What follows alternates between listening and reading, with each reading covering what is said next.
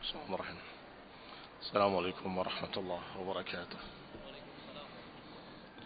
إن الحمد لله نحمده ونستعينه ونستغفره ونعوذ بالله من شرور أنفسنا ومن سيئات أعمالنا. من يهده الله فلا مضل له ومن يضلل فلا هادي له.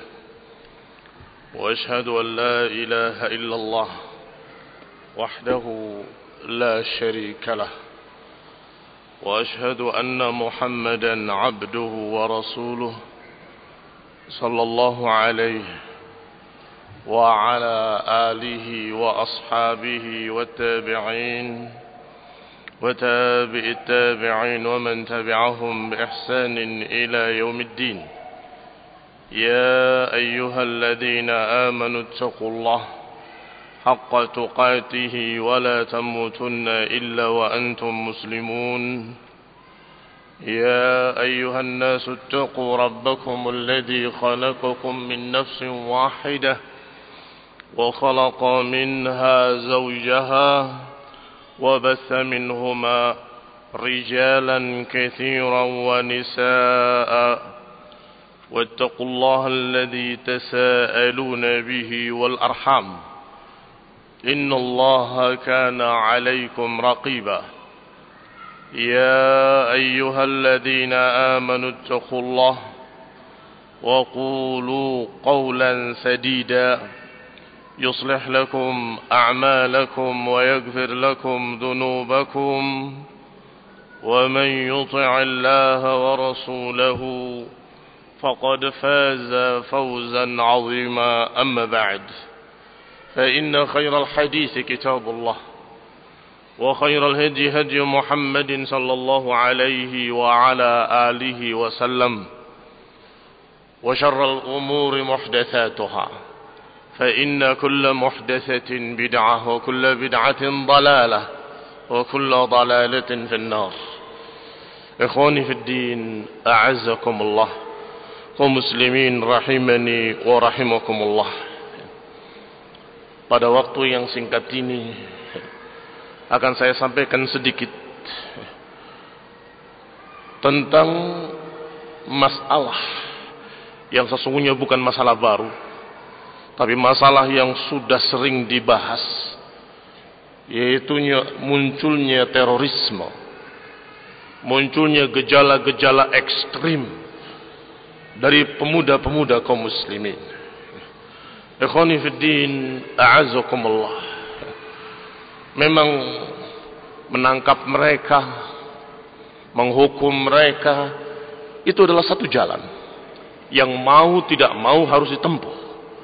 Karena memang mereka melanggar hukum syariat terutama dan juga melanggar hukum-hukum yang disepakati oleh seluruh manusia.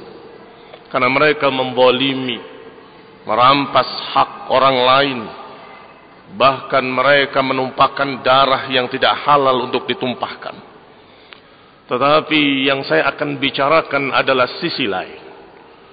Bahwa kalau penangkapan-penangkapan terus terjadi maka tentunya akan muncul generasi baru lagi. Sampai ditangkap lagi dan kemudian muncul generasi berikutnya lagi yang tak pernah habis.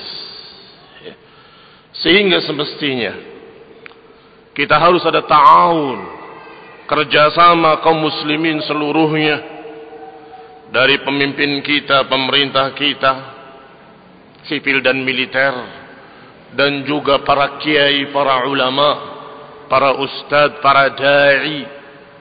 Harus bekerja sama sisi hukumnya mereka sudah melakukan. Tinggal sisi keilmuan. Sisi keilmuan maksud saya karena mereka kaum teroris sebagaimana dikatakan oleh Al-Hasan Al-Basri rahimahullah ketika disebutkan tentang mereka-mereka kaum khawarij beliau berkata rahimahullah kata beliau kasihan mereka orang-orang pemuda-pemuda yang semangat tetapi mereka tidak punya ilmu. Demikian kata Al-Hasan Al-Basri. Mereka semangat tetapi mereka tidak punya ilmu. Sehingga mereka ingin praktis. Apa yang ada di pikirannya harus terjadi besok. Inilah tentunya yang harus kita ingat. Sebagaimana disebutkan pula oleh Imam Al-Ajurri dalam kitabnya Asy-Syariah tentang mereka.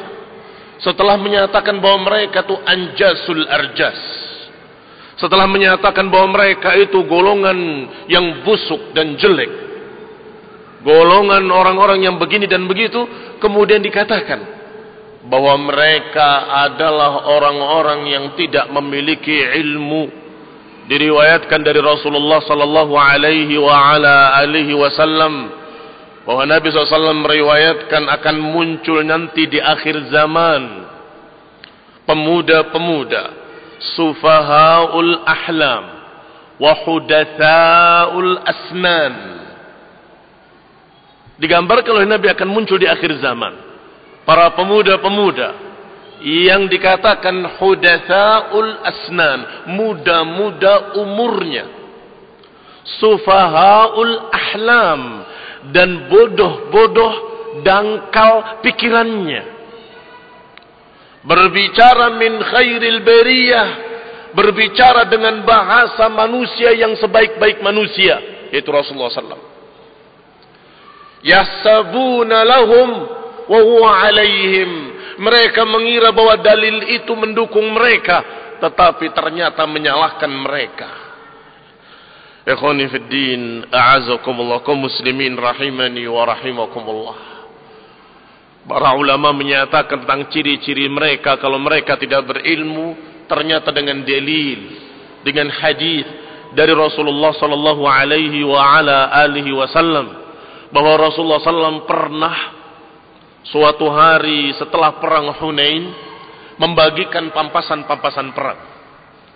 Bahkan yang baru masuk Islam dari musyrikin Quraisy yang baru masuk Islam diberi 100 ekor unta, 100 ekor unta, 100 ekor unta. Mulailah ada seseorang dari kalangan munafik yang tidak suka dan menyatakan jangan-jangan Nabi akan kembali ke Mekah ke kaumnya akan kembali bersama Quraisy karena mereka satu suku jadi diberi pampasan sangat banyak itu kata mereka. Ternyata salah seorang mereka yang bernama Dul Khuwaisirah datang mengatakan kepada Rasulullah SAW, Ya Muhammad, i'dil. Wahai Muhammad, berbuat adillah engkau. Bayangkan seorang biasa mengatakan kepada pimpinannya, nabinya, rasulnya, berbuat adillah engkau. Bagaimana kira-kira para sahabat marahnya? Rasulullah SAW menjawab, "Faman ya'dil in a'dil." Siapa yang akan adil kalau aku tidak adil? Kata orang tadi, engkau tidak membagikan pampasan perang min fauqi sab'i samawat. Engkau tidak membagikan pampasan perang dari perintah Allah dari langit. Menuduh Rasulullah SAW tidak berhukum dengan hukum Allah. Bayangkan Rasul dituduh tidak berhukum dengan hukum Allah. Maka seorang sahabat berkata, "Ya Rasulullah, da'ni aqtuluh, biar aku bunuh dia." Sungguh dia ini munafik. Rasulullah SAW menyatakan jangan. Kalau kita bunuh dia, kaum manusia akan berkata bahwa Rasulullah membunuh sahabatnya sendiri. Karena dia zahirnya muslim, tampilannya muslim, pakaiannya muslim. Jangan. Biarkan. Tetapi bukan berarti dibiarkan bebas. Bukan berarti dibiarkan hurran taliqa. Tidak. Rasulullah SAW memperingatkan bahayanya. Dan Rasulullah menyatakan yakhruju min dhi'i hadha. Akan keluar dari turunan orang yang model seperti ini. Kaumun satu kaum yang membiarkan orang kafir dan membunuh kaum muslimin. Ikhwani fiddin azakumullah disebut lagi oleh Nabi tentang ciri-cirinya. Bahwa mereka membunuh kaum muslimin dan membiarkan orang-orang kafir. Ikhwani fid din, a'azakumullah. Berarti model teroris, model khawarij sudah muncul di zaman Rasulullah dari seorang munafik. Apa ciri-cirinya? Tuduhan. Mengatakan engkau berbuat tidak adil wahai Rasulullah. Bisa dibayangkan. Kalau seorang Rasul dituduh tidak adil apalagi yang bukan Rasul tidak akan lepas dari tuduhannya. Nggak akan aman pemimpin-pemimpin muslim dari tuduhan mereka kaum khawarij. Uthman ibn Affan radhiyallahu taala anhu juga dituduh dengan tuduhan yang sama. Yang kemudian benar-benar muncul kaum yang digambarkan oleh Rasulullah SAW. Bahwa mereka muda-muda, dangkal ilmunya, dan mereka dalam keadaan semangat tinggi ilmu nggak punya. Datang berduyun-duyun ke rumah Uthman ibn Affan. Dan kemudian berkata turun engkau. Sedangkan Uthman ibn Affan sudah diberikan wasiat oleh Rasulullah SAW yang berbunyi kalau engkau diberi pakaian oleh Allah kemudian mereka menuntutmu untuk melepaskan pakaianmu jangan kau lepaskan maka Uthman memahami bahwa pakaian itu adalah pakaian kepemimpinan. Kalau aku melepaskannya, maka mereka akan mempermainkan pemimpin-pemimpin setelah ini. Nggak cocok turun, nggak cocok turun, nggak cocok turun. Bisa sehari delapan kali. Berganti kekuasaan. Kau muslimin rahimani wa rahimakumullah. Maka Uthman ibn Affan menyatakan tidak. Aku diberi pesan oleh Rasulullah SAW untuk tetap berpegang dan tidak memenuhi kemauan kalian. Sampai berujung dengan pembunuhan Uthman ibn Affan. Manusia terbaik setelah Rasulnya adalah Abu Bakrin kemudian Umar kemudian Uthman ibn Affan. Radhiyallahu taala anhu. Ternyata tidak lepas dari tuduhan kaum teroris. Dari tuduhan kaum khawarij Apalagi yang berikutnya, yang berikutnya di zaman Ali bin Abi Thalib, di zaman Muawiyah, di zaman berikutnya selalu kaum muslimin diganggu oleh golongan yang dijuluki dengan kaum khawarij, kaum reaksioner, kaum pemarah, kaum yang lebih mengedepankan marah daripada ilmu.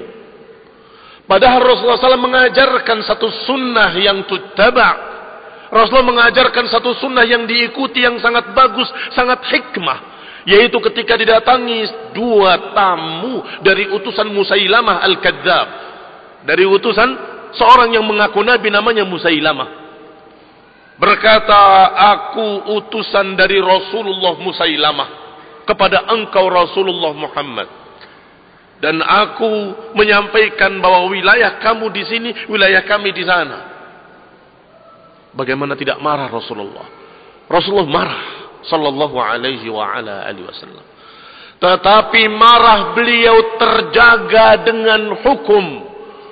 Marahnya beliau tetap terbimbing dengan agama. Maka Nabi menyatakan, "Lau qataltu wafdan, lau kuntu qatilan wafdan, laqataltukuma." Kalau aku dibolehkan membunuh tamu, akan aku bunuh kamu berdua. Dengan marah Rasulullah SAW menyatakan, kalau boleh membunuh tamu, akan aku bunuh kamu berdua. Tapi kenyataannya, apakah dibunuh? Tidak. Apa yang menahannya? Yang menahannya adalah ilmu agama. Allah melarang membunuh tamu. Allah melarang membunuh utusan walaupun kafir. Bahkan kafir harbi sekalipun. Ini sedang perang. Kemudian musuh kita ini mengutus utusan. Apakah utusannya boleh dibunuh? Tidak boleh. Agama ini agama yang mulia.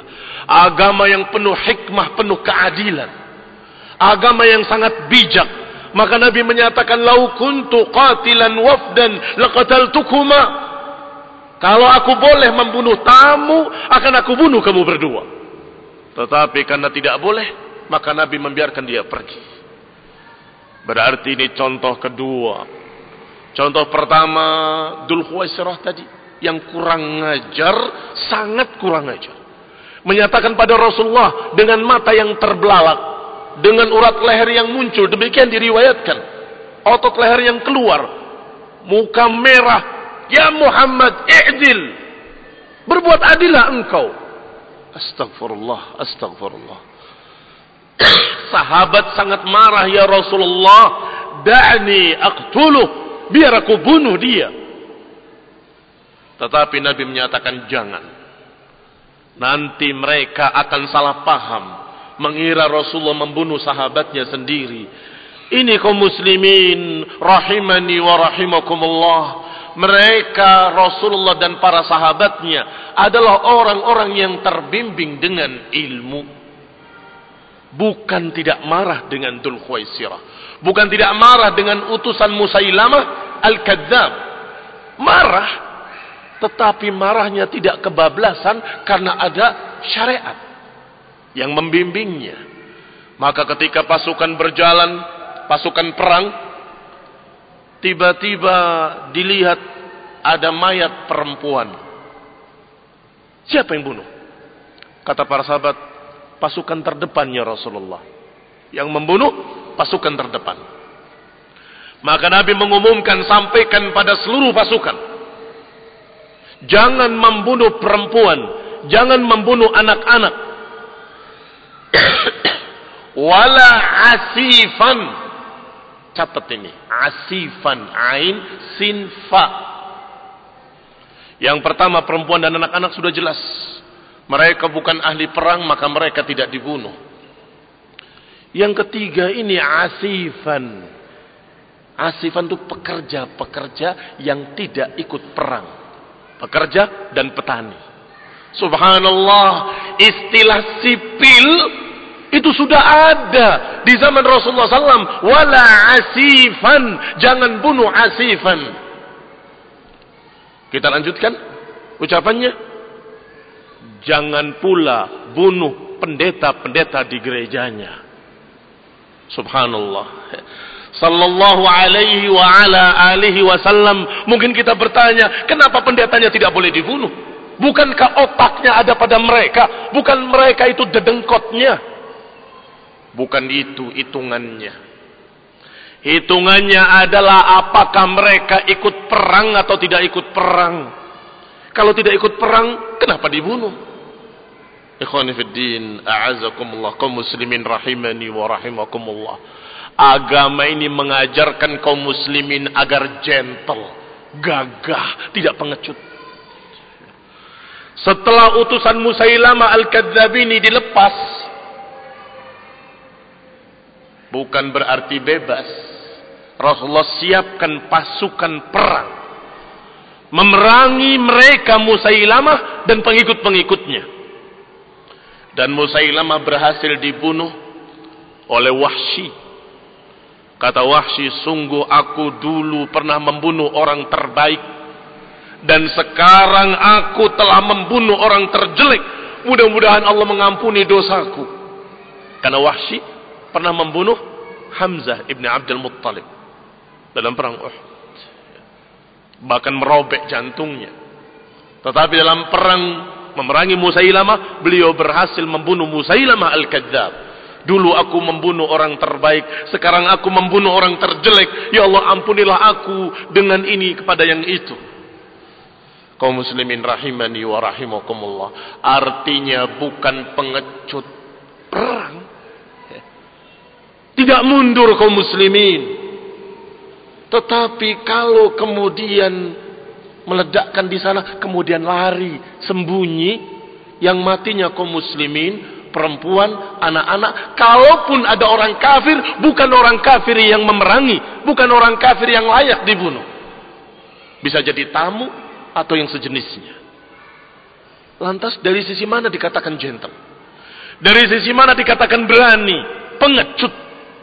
Bukan pemberani. Tetapi ajaran sunnah mengajarkan keberanian dan mengajarkan kegagahan. Gentle, jangan pengecut. Jangan bunuh dari belakang. Ikhwani fi din, a'azakumullah muslimin rahimani wa rahimakumullah. Bendera yang mereka pakai selalu kalimat jihad, jihad, jihad. Selalu. Sepanjang masa. Dulu mereka memerangi Ali bin Abi Thalib dengan alasan jihad fisabilillah. Mereka membunuh Uthman bin Affan dengan alasan jihad fisabilillah. Mereka membunuh Khabbab ibn al-Arad. Seorang yang mulia, yang saleh, anaknya sahabat yang mulia. Abdullah ibn Khabbab ibn al-Arad. Dibunuh istrinya. Dikeluarkan janinnya dari perutnya. Demikian diriwayatkan dalam Al-Milal wa Nihal. Apa alasannya? Jihad fisabilillah. Mereka angkat Qur'annya di atas pedang-pedangnya sambil menyatakan inil hukmu illa lillah wa man lam yakum bima anzalallah faulaika humul kafirun. Siapa yang tidak berhukum dengan hukum Allah, maka dia kafir. Diangkat Qur'annya, mushafnya tinggi-tinggi di atas pedangnya sambil menyatakan siapa yang tidak berhukum dengan hukum Allah, maka dia kafir. Ali bin Abi Thalib mendengar kalimat itu. Kata beliau radhiyallahu taala anhu kalimatu haqqin aradu bihal batil itu kalimat yang hak tetapi yang mereka maukan kebatilan. Kalimatnya hak itu ayat Allah Subhanahu wa taala. Tapi yang mereka maukan kebatilan. Mereka salah memahami ayat tersebut, mereka keliru memahami ayat-ayat tadi. Kita lihat di mana kesalahannya. Kata mereka, maka setelah menyatakan siapa yang tidak berhukum dengan hukum Allah maka dia kafir. Maka karena engkau wahai Ali bin Abi Thalib. Engkau wahai Muawiyah. Berhukum dengan dua orang yang kalian pilih. Amr bin As dan Abu Musa al-Ash'ari. Berarti kalian berhukum dengan manusia. Berarti kalian kafir. Halal darahnya. Lihat betapa mengerikannya. Ibn Abbas radhiyallahu taala anhuma menasehati mereka. Ke perkampungan Khawarij sengaja. Memakai pakaian yang paling bagusnya melewati perkampungan mereka sengaja. Ingin disapa oleh mereka. Maka mereka pun menyapanya wahai anak paman Rasulullah ada apa engkau dengan pakaian seperti itu?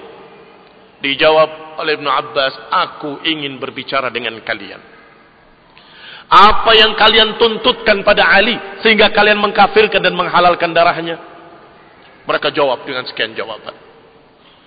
Di antaranya jawaban tadi, karena berhukum dengan manusia.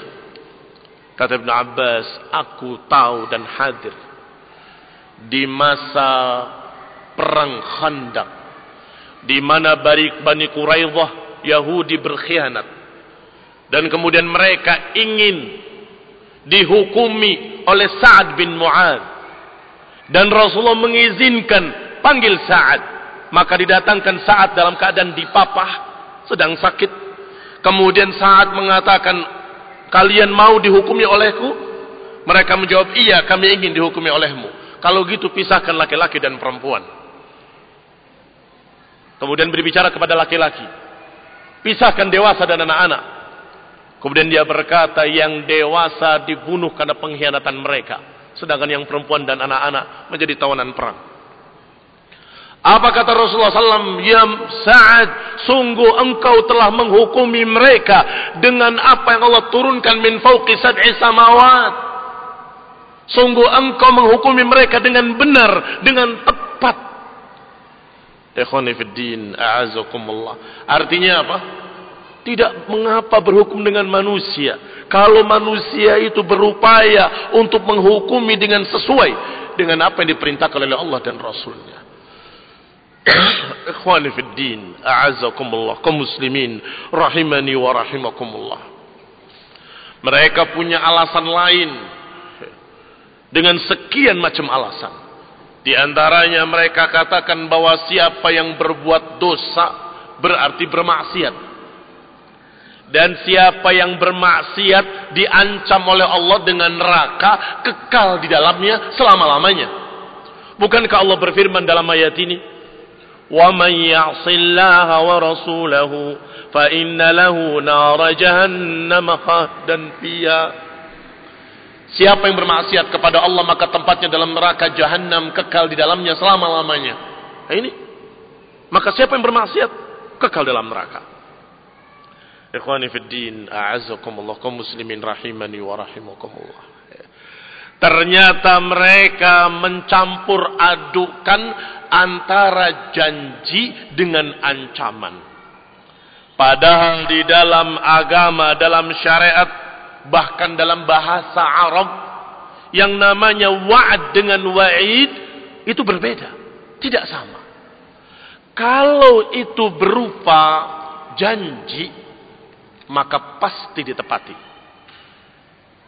Dan kalau tidak ditepati sebuah janji, itu sifat yang jelek, tidak mungkin bagi Allah subhanahu wa ta'ala. Ingat itu. Bedakan dengan ancaman. Kalau ancaman tidak mesti ditepati.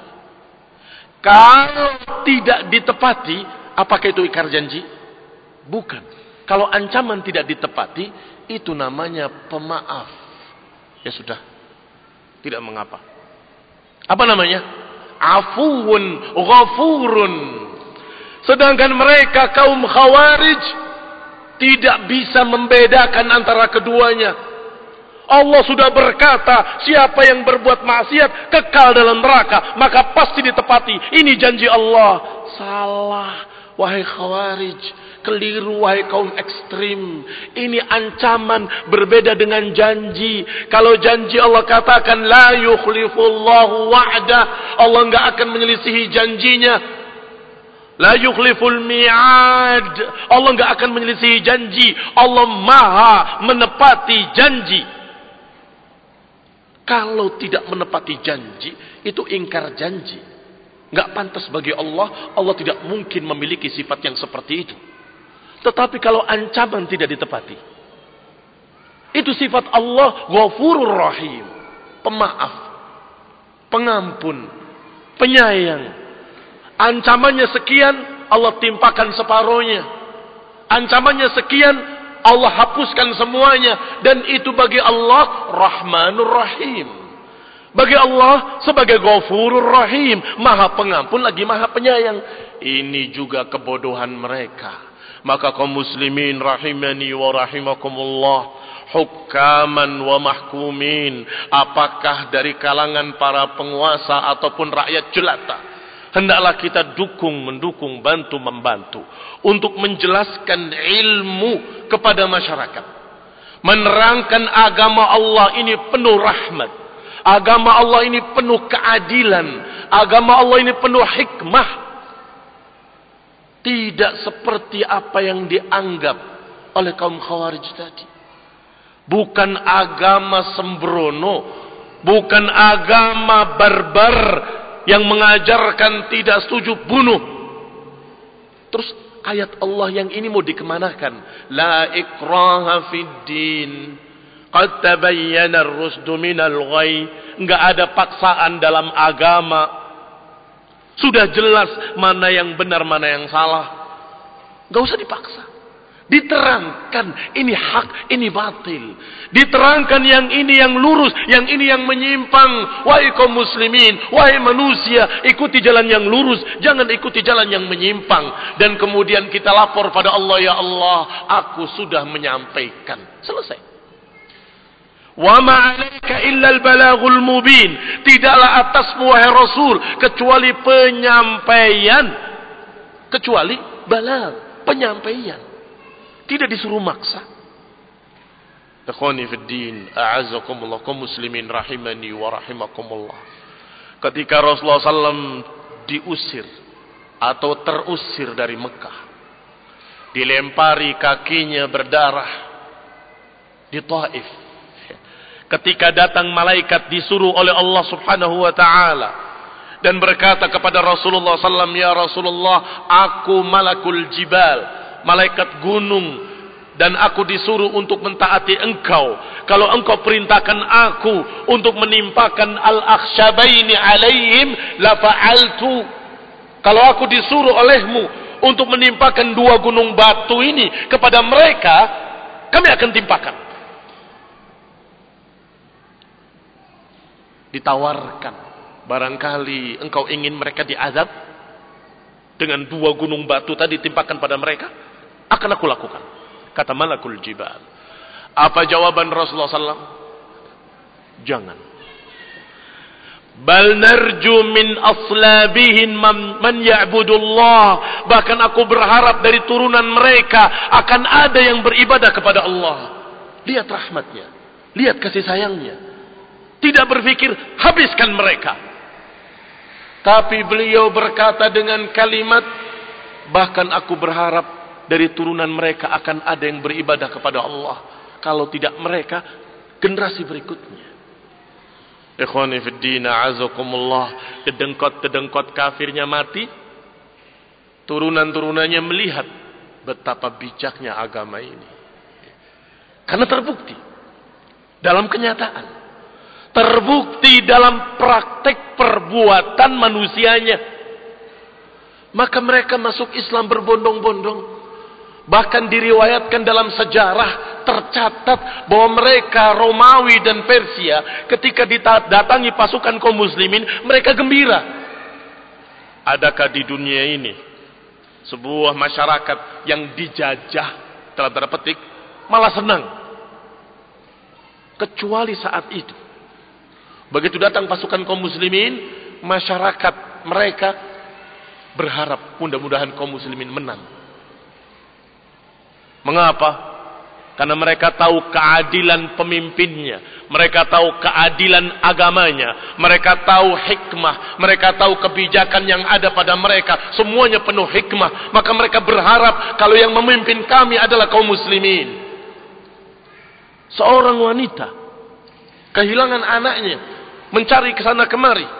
Ternyata anaknya lari melampaui batasnya sampai ke perkampungan tentara muslimin. Itu tercatat juga dalam sejarah. Wanita tadi menangis dan menyatakan mati anakku, mati anakku. Ternyata tidak berapa lama anak itu kembali dengan membawa makanan di tangannya. Terkejut, kamu gak diapa-apakan? Tidak. Wahai kaum muslimin, kalau ini terjadi di zaman kita ini, bukankah mereka akan kagum dengan agama ini? Bukankah itu dakwah ilallah? Bukankah itu mengenalkan ini agama? Kalau sebaliknya, anak kecil dibantai, perempuan dibantai, tidak melihat mana yang salah, tidak melihat siapa yang ikut, siapa yang tidak ikut, pokoknya mati. Saya senang yang berbau darah. Apakah tertarik manusia? Mereka bukan tertarik, takut mengerikan. Tetapi di sana ketika mereka melihat anaknya selamat dalam keadaan tidak diganggu, malah diberi kue oleh tentara muslimin, maka sungguh mereka mendapatkan satu pelajaran penting bahwa mereka tidak berperang karena emosi.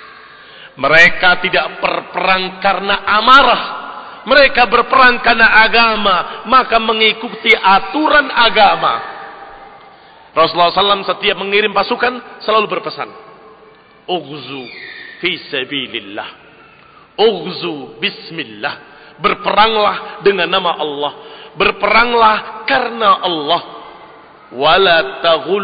Jangan merampas pampasan perang. Wala tumathilu. Jangan cacati musuh Dilarang mencacati musuh. Allah katakan dalam Al-Quran, Wadribu fawqal a'naqi wadribu minhum kulla banan. Tebaslah leher-leher mereka dan tebaslah tangan-tangan mereka. Leher karena lebih cepat mati, sedangkan tangan agar mereka tidak bisa lagi mengangkat senjata. Itu yang diperintahkan dalam Quran. Setelah mereka jatuh, tidak boleh kemudian dicungkil matanya, dirobek perutnya, dipotong hidungnya, dipotong telinganya, tidak boleh. Haram hukumnya. Tapi mereka kafir, walaupun mereka kufar, haram hukumnya. Ini agama. Yang ini yang saya maksud tadi harusnya dipelajari sehingga kita kenal agama yang mulia ini sebagai agama rahmat, agama yang penuh hikmah, agama yang sangat adil. Dan juga kita kenalkan kepada manusia seluruh dunia agar mereka tahu bahwasanya benar-benar agama Islam adalah agama yang paling bijak, yang paling hikmah, yang paling adil. Sehingga mereka akan tertarik kepada agama ini. Sebagaimana dulu mereka tertarik dengan agama Islam karena sikap-sikap para sahabat ridwanullah alaihim ajma'in. Nasallahu taufiq afiyah wal hidayah wa rahmah. Subhanakallahumma bihamdik asyhadu an la ilaha illa anta astaghfiruka wa atubu ilaik. Wassalamu alaikum warahmatullahi wabarakatuh.